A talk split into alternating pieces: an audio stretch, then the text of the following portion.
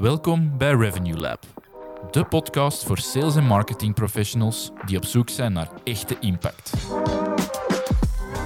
Ik ben Matteo, impact marketeer bij Meteoris. En samen met mijn collega Nico, digitaal strateeg, brengen we elke week concrete strategieën, adviezen en frameworks om je sales- en marketing aanpak te transformeren. Op basis van inzichten uit meer dan 100 cases maken we van jouw organisatie een niet te stoppen marketingmachine.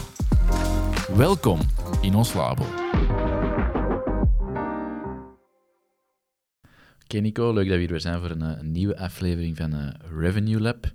Ehm, vandaag gaan we inzoomen op iets ehm, waar de marketeer niet altijd het juiste framework uh, rond hebben, of waar ze toch wel een beetje zoekende in zijn. Ehm, en dat is ja, de verantwoordelijkheid om als marketeer of iemand die op de marketingafdeling werkt, ook continu er ja, ownership in te hebben om de algemene go-to-market strategie, de, de, de manier waarop dat je naar buiten komt, de gecombineerde marketing- en sales efforts en de impact dat je maakt, om die continu aan te scherpen. Ehm, niet evident, zit vaak niet letterlijk in uh, taakomschrijvingen uh, vervat, um, maar wel ene waarin dat we redelijk wat ervaring hebben opgebouwd en waar dat we marketeers dus wat handvaten in willen meegeven in ja, hoe kunnen ze nu feitelijk concreet um, inzichten opdoen en, en, en dingen oppikken die dat ze kunnen meepakken of kunnen gebruiken om uh, ja, de go-to-market strategie uh, aan te scherpen. Um, mm. Wat is een goede vandaag, denk ik, om uh, op in te zoomen. Een ja. achttal puntjes, geloof ik, dat we, dat we bij hebben. Ja, inderdaad. de ene misschien al wat makkelijker te implementeren dan de andere, maar ehm, inderdaad, ik denk dat dat een van de, van de grote werkpunten zijn in, in marketingteams, is enerzijds die go-to-market wordt bepaald vaak geïsoleerd bij het sales team. Mm um, en dan ja, wordt die uitgevoerd, maar die wordt eigenlijk niet meer echt in vraag gesteld in het jaar. Of er is heel weinig voeling uh, tijdens het parcours om zeker te zijn dat we de juiste richting aan het bewandelen zijn, dat we het juiste aanbod hebben, dat we dat met de juiste prijszetting doen, dat we dat in de juiste kanalen doen. En uh, daar is het toch wel handig om inderdaad zo die voeling doorheen het jaar continu te houden. En daar hebben we inderdaad die echt punten rond bij. Maar dan merken we toch wel dat er en, en ook dat heel weinig teams dat in vraag stellen van we zijn ergens gestart, maar uh, even evalueren of dat we op het einde van het jaar onze doelstelling hebben gehad. Maar tussentijds inchecken. Zijn we nog de juiste dingen aan het doen? En dat kritisch in vraag blijven stellen. En uh, dat wil niet zeggen dat je elke week de strategie overop moet halen. Verre van, want ik denk dat je een strategie ergens moet bepalen en daarom vasthouden. Maar die bevestiging zoeken of die, ja, die, die inzichten vergaren gedurende de rit, om dat misschien na zes maanden of een jaar wat bij te sturen, dat gebeurt niet. Hè? En, en, daar zijn soms heel kleine dingen voor nodig, uh, kleine aandachtspunten waarop dat je dat wel kunt, uh, kunt realiseren. Ja. En ik zal misschien met de eerste beginnen. Dat is eentje die we... Uh, dat, is, dat, is, een heel eenvoudige, een super eenvoudige om te, om te implementeren. En dat is eigenlijk je eigen attributie maken in je CRM. Wat willen we daarmee zeggen? Even zij die al regelmatig is, uh, naar deze podcast luisteren, die zullen dat wel uh, hebben gehoord. Maar door bijvoorbeeld in uw forms als marketeer een vrij te laten, waar mensen kunnen invullen hoe dat ze uiteindelijk tot bij jullie zijn gekomen, wat de trigger was om uiteindelijk um, een aanvraag in te dienen, bijvoorbeeld. En dat kan op elk aspect zijn. Hè. Dat kan op um, op content downloads zijn, dat kan op uh, echt contactformulieren zijn, dat kan misschien op uh, een bepaald online event zijn, uh, webinars die georganiseerd of ehm, expert sessies of, of, LinkedIn Lives of wat dan ook. probeer daar telkens dat vrij invulveld te voorzien. En zodoende dat je wat meer voeding krijgt van ja, wat zijn nu de wegen waarop dat onze ideale klant ons leert kennen. waar zijn de kanalen, de contentinitiatieven die, die voor ons de meeste impact maken?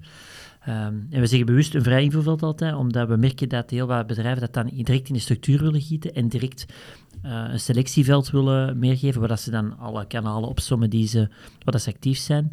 Maar dan, dan merken we vaak dat uh, ofwel de eerste of de laatste wordt gekozen uit gemak, of um, duidt iets aan, dat zelfs, dat hebben we al veel gezien, dat zelfs helemaal niet van toepassing was voor dat merk.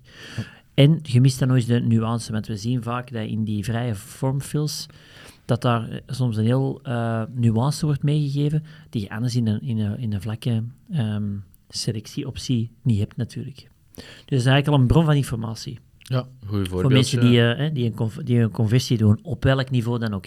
Lead conversie, maar kan ook eventueel een marketing uh, ja. zijn. we hebben zo twee dagen terug nog eentje uh, binnengekregen. Ja. eh, waar, eh, bij ons staat dat op alle velden op, eh, op de website. Ehm, die dat, eh, als je het niet eh, de attributieveldje zou toevoegen, zou die onder direct verkeer binnenkomen, want die was eigenlijk redelijk direct naar ja, meteoris.eu gegaan. Ik denk dat daar zijn een aanvraag gedaan. Maar in het attributieveldje, veldje, hoe heb je ons leren kennen, stond dan via persoon X, waar ik een gesprek mee, eh, over heb gehad Ja. met, mijn, met mijn uitdaging dat ik vandaag eh mee zit. Wat, eh, ik had die persoon al een hele tijd niet meer gehoord, maar we hebben er blijkbaar dan toch een of andere indruk op achtergelaten. Want als hij de uitdaging van die persoon hoorde, dan moest hij direct aan ons denken. En die persoon doet zijn een aanvraag. Dat is voor mij nu heel relevant, of voor ons als bedrijf zijnde, eh, om misschien die persoon die die referral heeft gedaan, eens eh, te gaan bedanken of we daar nog eens proberen op de radar te verschijnen.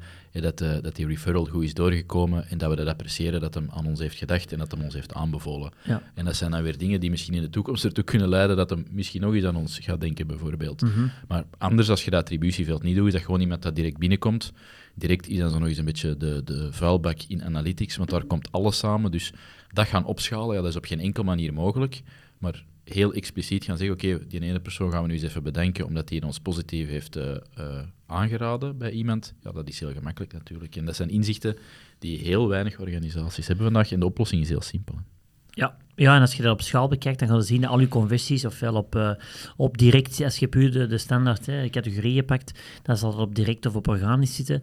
Maar dat zijn gewoon mensen die dan in de laatste fase naar de website komen en daar een conversie eh, vervolledigen. Hè. Dus die traditionele ehm, conversiepunten zijn eigenlijk, geven nog niet, ik wou zeggen minder dan de helft, maar ik denk dat het nog minder is, minder dan de helft van de waarheid vaak. Het zit, zit vaak in die nuances, hoe dat ze, waar dat een trigger is gezet. Dat is eigenlijk veel interessanter om vanuit een go-to-market standpunt te begrijpen en beter op te kunnen inpikken. Dus heel eenvoudig is de eerste stap, eh, probeer dat eens toe te voegen op al uw formulieren en eh, kijk eens wat eruit komt en op de duur kunnen we misschien gaan verzamelen in, in vaste selectievelden. Als je categorieën begint te zien, en dat doen we mee aan de klanten ook, waar we op een gegeven moment de grote categorieën gaan definiëren en dat die wel selecteerbaar zijn. Maar in begin moeten we gewoon vrij input laten en eh, op die manier ja, een inzicht krijgen. Puntje 2 is ehm, regelmatig steekproeven op je website doen. En wat we daarmee bedoelen is, eh, je bouwt een website één keer voor een x aantal jaar. En dan is het misschien mogelijk aan een facelift of aan een update toe. Maar je bent idealiter binnen je verhaal wel continu aan het tweaken en aan het optimaliseren. En al is het maar heel simpel met blokken of met elementen aan het schuiven of nieuwe copy aan het testen. Ehm, maar het is wel eens een goede reflex, en dat gebeurt heel weinig, of dat zien we toch heel weinig, om kwalitatief eens met klanten af en toe ehm, door de website te klikken. Dus samen te zitten of in een virtuele call te duiken en gewoon effectief te vragen, ehm, beste klant, zouden mij nu eens een plezier willen doen en dit willen zoeken op de website. En dan gewoon observeren eh, waar dat ze op klikken, waar dat ze op vastlopen, waar dat ze over twijfelen. En laat ze maar luid op nadenken, luid op hun proces uitleggen. En dan komen er altijd dingen naar boven. Ehm, ik zie dat in meetings soms zeggen, je, bent zelf eh, veel te betrokken bij de organisatie waar dat je voor werkt. Je zit daar veel te dicht op, waarvoor dat dingen voor jezelf heel duidelijk zijn. Maar voor iemand aan de andere kant, dat je website misschien ene keer of hoogstens een paar keer zal bezoeken in zijn informatiezoektocht, is dat niet altijd het geval. Dus hoe meer dat je inzichten kunt opdoen van ja, misschien moeten we hier iets andere kopie gaan zetten, of ehm, schept die afbeelding een verkeerd beeld, of is een tekst op die knop niet duidelijk. Eh, dat zijn dingen dat je daaruit kunt gaan halen. En dan naast dat kwalitatieve vind ik het ook altijd wel interessant om om de zoveel tijd eh, bijvoorbeeld een heatmapping tool op je website los te laten. Dan kun je op iets grotere schaal eh, het gedrag van verschillende bezoekers gaan aggregeren. Je mist dan een beetje kwalitatieve inzichten, maar ja, die heatmapping tools of die eh, click recordings, die kunnen ook wel inzichten geven op ja, waar, waar lopen mensen nu op vast. Eh, en dat gebeurt te weinig. Een website wordt gelanceerd eh, met een beetje fanfare en dan blijven daar tien jaar af. Ja, dat is altijd jammer. Eh, Ja, en dan eh, daarboven werkte de website vaak uit ehm, op basis van eigen inzicht of buikgevoel. Hey, ik heb het al vaak zien passeren. Dat, ehm, en ook inderdaad, wat je ziet, je zit er zo dicht op dat je vaak vergeet dat je bepaalde woorden in de mond neemt of bepaalde formuleringen gebruikt die je klant niet altijd begrijpt of die verwarrend overkomen.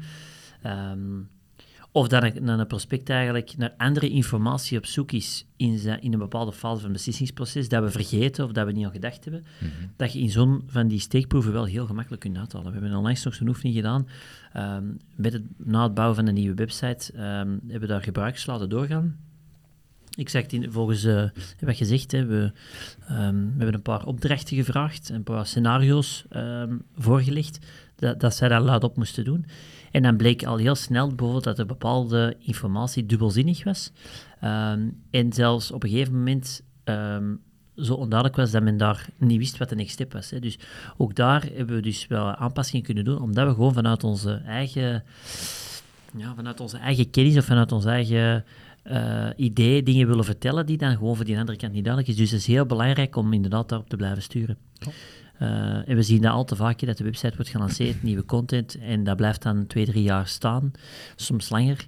Maar, um, en dat is jammer, want je, gaat eigenlijk, je hebt iets gelanceerd dat nog super optimaal is, en dus eigenlijk niet sterk genoeg rendeert. Uh, en dat is waar het over gaat. Hè. Inderdaad. En allee, die frequentie bepaalde zelf. Ik denk zo'n best practice is inderdaad een website in de basis lanceren en dan per kwartaal of à la limiet per half jaar eens kijken mm. waar kunnen we nu een aanscherpingsronde doen. Zodat dat wel een beetje een reflex wordt dat ja, de website is iets dat moet een beetje dat leven, leven hè, ja. uh, en moet continu worden aangescherpt op basis van inzichten dat je opdoet. Ja, je, je verandert zelf als bedrijf, één. Uh, want ik hoor het heel vaak dat, dat klanten zeggen, ja, maar ja, die website, goh, ja, die is al, die is al wel drie jaar oud en dat, ja, dat vertegenwoordigt niet meer helemaal hoe dat we het vandaag bekijken of hoe dat we het aanpakken. Hoe dat we het... Wat jammer is. En wat heel jammer is natuurlijk, want dat is wel hetgeen waar dat die, waar dat die klant of die potentiële klant voor de eerste keer ziet. Dus ja, als je daar al een verkeerd uh, beeld of imago meegeeft, ja, dan is het heel moeilijk om dat achteraf voor de eerste dat vooroordeel, als dat al een bepaalde richting uitgaat, dan is het echt wel heel moeilijk om dat, om dat recht te trekken. Dus blijft het aanscheppen. Ook de verwachtingen van de markt veranderen, dat onderschatten we soms ook. Um, wat een consument vandaag verwacht is helemaal anders dan drie jaar geleden bijvoorbeeld. Dus ook daar moeten, en dus dat wil zeggen dat ze andere dingen zoeken, andere informatie willen zien, vaak meer informatie willen zien. En dan moeten we wel tijdig kunnen detecteren om uw communicatie naar uw doelgroep of naar uw segmenten te verbeteren. En dat is eigenlijk een heel makkelijke om periodiek toe te voegen in uw mix. Top. Oké, dan een kleintje, maar wel niet... Ehm, maar wel zeer nuttig om elke dag wat voeding te krijgen met uh, traffic dat naar de website komt. Is, uh, en dan, dit is vooral voor B2B-organisaties. Is uh, bijvoorbeeld um, tools implementeren die traffic analyseren. en traffic analyseren in de zin van dat zij herkennen welke bedrijfsnetwerken bijvoorbeeld op de website zitten Super eenvoudig. Uh, Info is zoiets bijvoorbeeld, maar uh, er zijn er nog heel wat uh, die veel B2B-marketeers zullen kennen. Um, zoals bijvoorbeeld een Lead Forensics, die is een van de, de eerste die zo in, in België of Nederland toch wel grote, allez, grote, grote uitbouw heeft gehad. Info is eentje met een heel brede database, maar in ieder geval komt erop neer dat ze IP-adressen mijn bedrijfsnetwerken herkennen en dat, ze, en dat je op basis daarvan op dagbasis te zien krijgt welke type van bedrijven zitten op mijn website en komt dat overeen met, uh, met het ideaal klantenprofiel dat we hebben gedefinieerd. Of zien we dat toch een groot verschil en waarom is dat zo? Um, en dat kunnen we dan zelfs op source niveau gaan bekijken. Dan zien we bijvoorbeeld dat bepaalde, dat hebben wij ook heel hard gedetecteerd, bepaalde typen van bedrijven of organisaties vanuit een organisch standpunt naar de website komen, dat totaal niet matcht met degene die wij willen bereiken. Oké, dan weten we misschien dat je organische strategie vandaag niet de juiste is. Of dat je in ieder geval toch met de juiste termen aan het spelen bent, met de, of met de verkeerde termen aan het spelen zijn, met de verkeerde invalshoek aan het werken zijn. Dus gemakkelijk een barometer om uh, op dagbasis te zien of dat eigenlijk het verkeer in de juiste richting gaat, bijvoorbeeld. Ja, want verkeer zegt maar zoveel. Dat denk ik dat we in een van de vorige afleveringen ook hebben aangehaald. Uh, je kunt heel tevreden zijn met die 5000 bezoekers dat je op maandbasis binnenhaalt. Maar stel je voor dat je 5000 niet relevante uh, bedrijven herkent Klopt. als B2B-speler. Ja, dan moeten we misschien wel ergens gaan kijken. Ja, we moeten ergens gaan aanscherpen. Want wat dat we doen, oké, dat brengt wel volume, maar niet het juiste volume. En ja, daar begint alles met. De juiste uh, ICP, de, het juiste klantenprofiel, de juiste bedrijven uh, aantrekken effectief. Ja, en daarop aanvullend, als je dan zegt, oké, die 5000, uh, eh, als je gewoon naar analytics kijkt, je krijgt 5000 en dat converteert eigenlijk heel weinig, dan weten we nog niet aan wat ligt het. Hè? Ligt het aan de website, waar we niet duidelijk zijn? Of is het het verkeerde publiek dat we aan het aantrekken zijn? Maar als je dan zoiets als bijvoorbeeld uh, een info hebt, of zo'n tool die uh, maakt niet uit welke tool dat is, die, die dat verkeer gaat uh, ja, dan hebben ze daar een extra inzicht. Want dan kunnen zien, ah, oké, het ligt niet aan het type van verkeer, want we trekken wel de juiste bedrijven aan, maar ze converteren vandaag niet. Dus oké, dan, hebben die- dan hebben we een probleem met onze messaging of de manier waarop we het verpakken. Als je nu ziet dat het totaal niet de juiste bedrijven zijn, dan zit het eerder op je distributiestuk. Dan weten dat je eigenlijk op je kanalen moet gaan werken om, om meer van de juiste mensen aan te trekken. Dus je ziet inderdaad een extra inzicht om eh, die 5000 bezoekers per wat dan ook, per week, per maand, eh, beter in te schatten. Het volgende puntje is eentje dat zeker niet altijd op orde is, of waarvoor dat de basis zeker niet altijd goed zit, maar dat zijn bijvoorbeeld ehm closed-lost analyses, die als marketeer ook heel waardevol zijn, waar dat we ook heel veel organisaties eh, mee in helpen, om op basis van wat er eh, ja, in, de, in het, eh, de, de, de sales pipeline op closed-lost, wat er daar als reden wordt meegegeven, eh, dat we daar op marketingvlak mogelijk mee kunnen werken.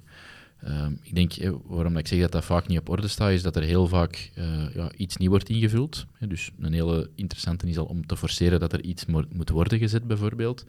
En dat er dan gemakshalve nogal eens prijs wordt gezegd, omdat er misschien niet genoeg wordt doorgevraagd. En dan is het een heel gemakkelijk argument als los prospect om te zeggen, ja, de, de, de, de prijs eh, was te hoog of de, de, de prijs lag eh, buiten verwachtingen.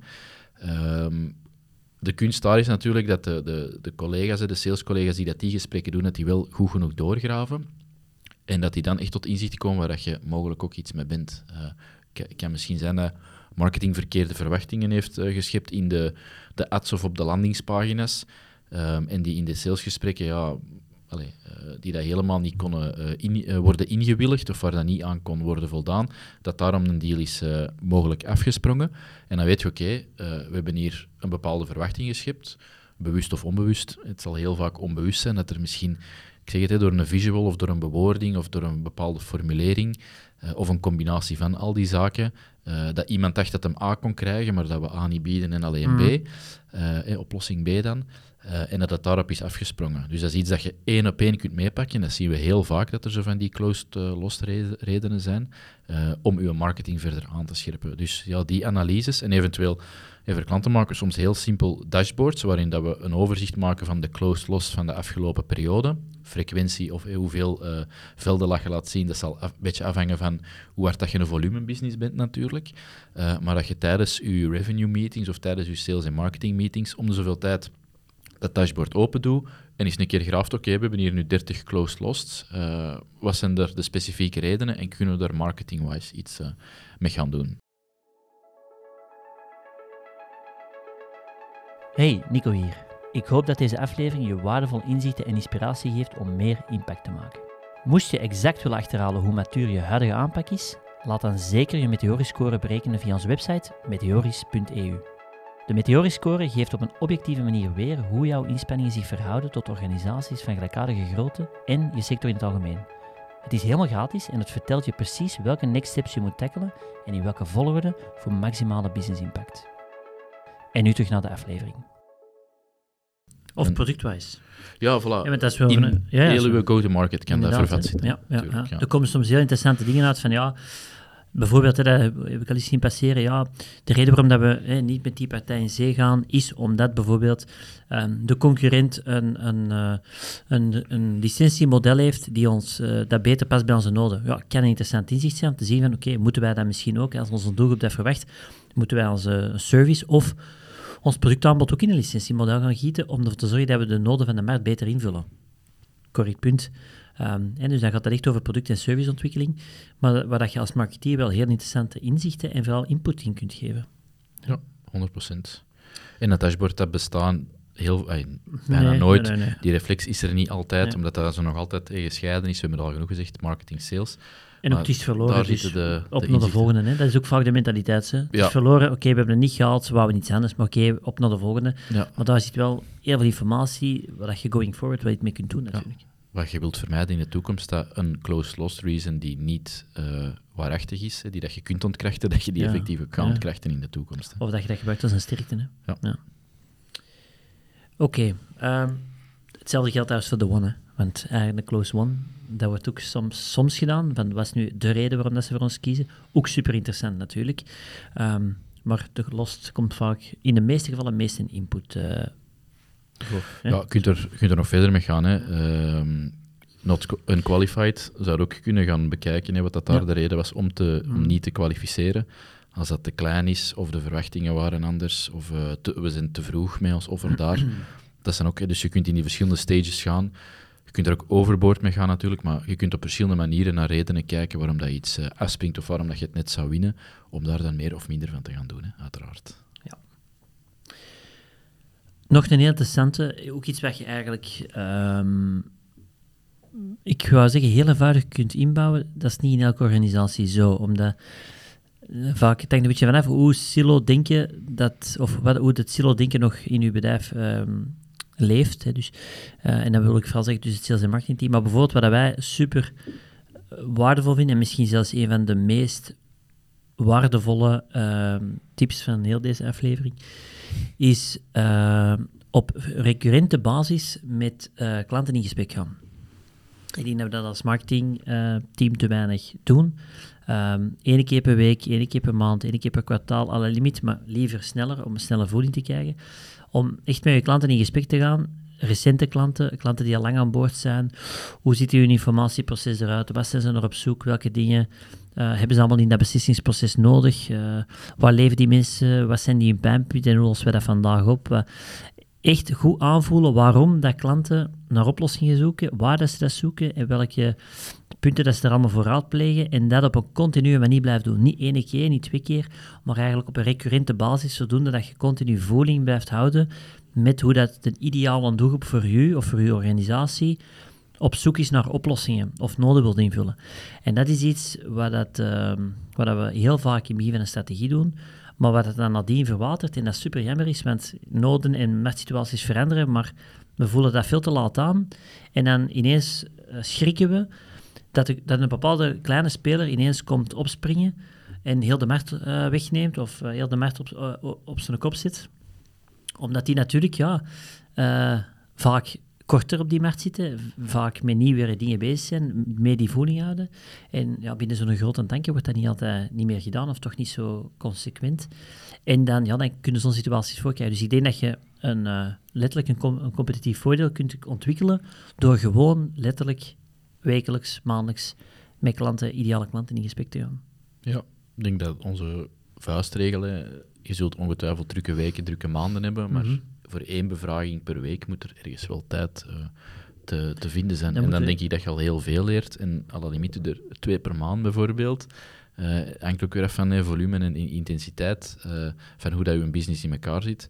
Maar er haalde zoveel uit en ja, dat is redelijk laagdrempelig. Er vinden mhm. de kandidaten wel voor, zie dat representatieve kandidaten zijn, maar probeert ook weer niet te veel te selecteren. En ga gewoon eens openlijk dat gesprek aan. We kunnen misschien onze de vragenlijst waarop dat je voor een stuk kunt baseren, maar laat het voornamelijk een, uh, een informeel gesprek zijn en, en laat het, uh, geef het de ruimte om naar alle kanten te gaan, want daar gaat er dan effectief de werkbare inzichten uithalen. Hè. En zoiets is in te plannen en moet een klein beetje een onderdeel zijn van, uh, van uw ritueel. Ja, goeie. Alright. Ja, de volgende is daar een beetje een verlengstuk van. Mm -hmm. het, het, puntje dat je net aan al was echt klantenbevraging, klanteninzichten opdoen. Uh, het volgende voor mij is een beetje social listening. Um, ook een term dat waarschijnlijk veel marketeers niet vreemd zal zijn. Um, maar dat is het idee van ja, de juiste communities te joinen en dan niet je uh, sector communities, waar dat je zelf je inzichten gaat opdoen om, om, om beter te worden hè, met betrekking tot digi digitaal of met, met betrekking tot marketing. Maar in de communities waar je klanten deel van uitmaken. En daar een beetje ja, je, je oor te luisteren gaan leggen om te zien wat wordt daar gedeeld, wat wordt daar gezegd, uh, wat zijn daar de sentimenten, uh, waar liggen daar de, de mensen van wakker, wat komt er altijd bovendrijven. Um, niet dan om per se op alles te springen, maar gewoon om een beetje voering te houden met oké, deze zijn nu ons feitelijke consumenten. Uh, we gaan soms wel via een achterpoortje soms, uh, moeten gaan. Uh, en je mag er ook zeker niet de, de, de commerciële toon gaan voeren, maar probeer daar gewoon effectief die communities te joinen, daar lid van te worden. En gewoon je oor te luisteren te leggen en, en te, kijken, te kijken wat beweegt er hier, wat leeft er hier. En daar ga je ook heel veel kunnen uithalen. Um, en als je dat op je eigen marketing wilt betrekken, uh, iets dat ik jammer genoeg heel vaak zie, is dat er heel veel campagnes en posts en zo gebeuren. En veel grote organisaties hebben community management wel onder controle. Maar ik denk dat er heel vaak gewoon dingen worden gelanceerd en dat er dan niet meer wordt naar omgekeken. Dus het, uh, het feitelijk gaan kijken, wat voor comments krijgen wij hier op onze advertenties, wat voor comments krijgen wij op onze organische posts die dat we doen. Uh, de term post-creative strategy wordt er wel eens genoemd. Dat je gaat kijken van, we, we, lanceren iets, uh, waar reageren mensen hier nu op? Waar resoneert er hier? Waar liggen die van wakker? En hoe zien die hun comments eruit? En kunnen we daar iets uit uh, meepikken? Een beetje die twee, social listening en, en die post-creative strategy. Dat zijn zowel dingen dat je ook weer heel gemakkelijk ergens onderdeel kunt maken van je ritueel. En in dat, met betrekking tot dat tweede wil ik zeker aanstippen, houd ook uw, uh, de, de, comments en wat er dan begint te leven op het materiaal dat je lanceert, probeer dat misschien ook wat meer in de gaten te houden. Het is niet uh, lanceren en vergeten, dat is ook iets waar je regelmatig eens moet gaan kijken of waar je notificaties voor kunt instellen, uh, zodat je er iets van kunt leren of als het, het, het, nodig is, dat je er ook op kunt reageren of een beetje nuance kunt brengen. Ja, um, ja. ja super waardevol. En ik denk dat je daar zelfs uh, ik denk, en dat is ook eigenlijk een apart puntje, maar ik denk dat die perfect aanslaat, is je kunt dat ook naar het offline stuk vertalen. Zijnde, je hebt die, die online communities die er zijn, hè, dus je, hebt zoveel groepen in, in, alle, in alle interessevelden, uh, maar je kunt dat ook naar het offline vertalen en zeggen van oké, welke events zijn voor mijn, waar, is, op welke events zijn mijn doelgroep? Uh, on- en offline, webinars, maar, maar dat kan ook zijn seminaries of, of uh, offline um, studiedagen bijvoorbeeld. En kan ik daar ook aanwezig zijn om te voelen, oké, welke topics worden niet besproken? Als ik met mensen hier praat, wat vertellen die? Dus echt wel op de plaats te zitten waar dat die een doelgroep zit, of, of offline.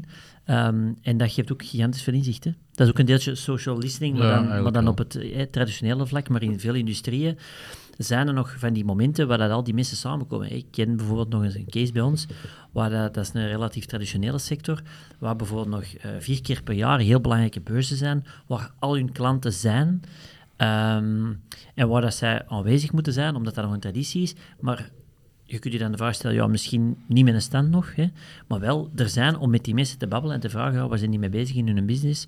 Um, waar zijn die naar aan het kijken? Uh, welke beslissingen zijn die aan het nemen? En dat is wel het ideale moment natuurlijk. Dus dat bestaat nog altijd wel, uiteraard. Um, maar probeer dat mee in je aandachtspannen te steken, want daar is ook het moment om die go-to-market weer wat scherper te krijgen of te actualiseren. Ja, wat dat daar interessant is, heb ik ook eens van uh, een, een, klant opgevangen die dat ook daar uh, inzichten wou gaan opdoen. Mm. Doe dan zeker even uw bedrijfsbadge uh, uit mogelijk of, of, of, vraagt een sticker of een etiket waar, dat u, uh, waar alleen uw naam en uw bedrijf op staat. En dan kun je ietsje anoniemer mee gaan volgen en door de gang gaan lopen. Dat is ah, misschien ja. maar een kleine tip, ja. maar dan valt het ietsje minder op soms. En niet dat je je oor op iemand zijn schouder moet leggen, bij wijze van spreken, maar een kleiner om mee te pakken. Alright. alright, dan denk je dat we aan de laatste toe zijn. Dat is um, klantanalyse. Uh, en een heel specifieke, want daar kun je ook weer alle richtingen mee uitgaan, maar een heel specifieke dat ik daar altijd wel zinvol vind, is om eens een keer te kijken in ons database over onze, uh, de, de levensduur van onze organisatie. Wat zijn hier nu, en daar moeten we al een goede basis voor hebben natuurlijk, wat zijn hier nu onze top 10 klanten? En zien we daar patronen of, of, of zien we daar lijnen in, in gedragingen, in type bedrijf, in de diensten dat die afnemen? Uh, wat zijn onze ideale klanten? Waar werken we graag voor? Waar werken we, uh, waar doen we, uh, waar werken we graag dingen voor uit? Waar verdienen we ook aan? Waar schieten we niet op onze, in onze voet mm -hmm. qua, qua marge? En dan tegenovergestelde, wat zijn de tien klanten? En het hangt weer allemaal af van volume natuurlijk, hoeveel dat je er analyseert. Waar we het minste aan verdienen, waar we het minste graag voor werken. en waar we eigenlijk ja, verlies aan doen aan die klanten.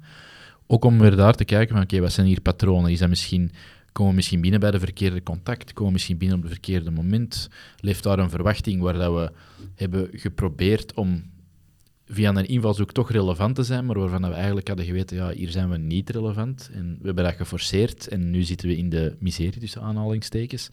Uh, dat is wel een interessante om eens uh, te gaan kijken, oké, zijn die trends en patronen er, zodat we uiteraard meer kunnen gaan doen uh, van de klanten of de prospects, zodat je positieve patronen ziet en dat je oplossingen kunt vinden of kunt gaan beginnen afbouwen op de accounts waar dat je die negatieve patronen ziet. Ja.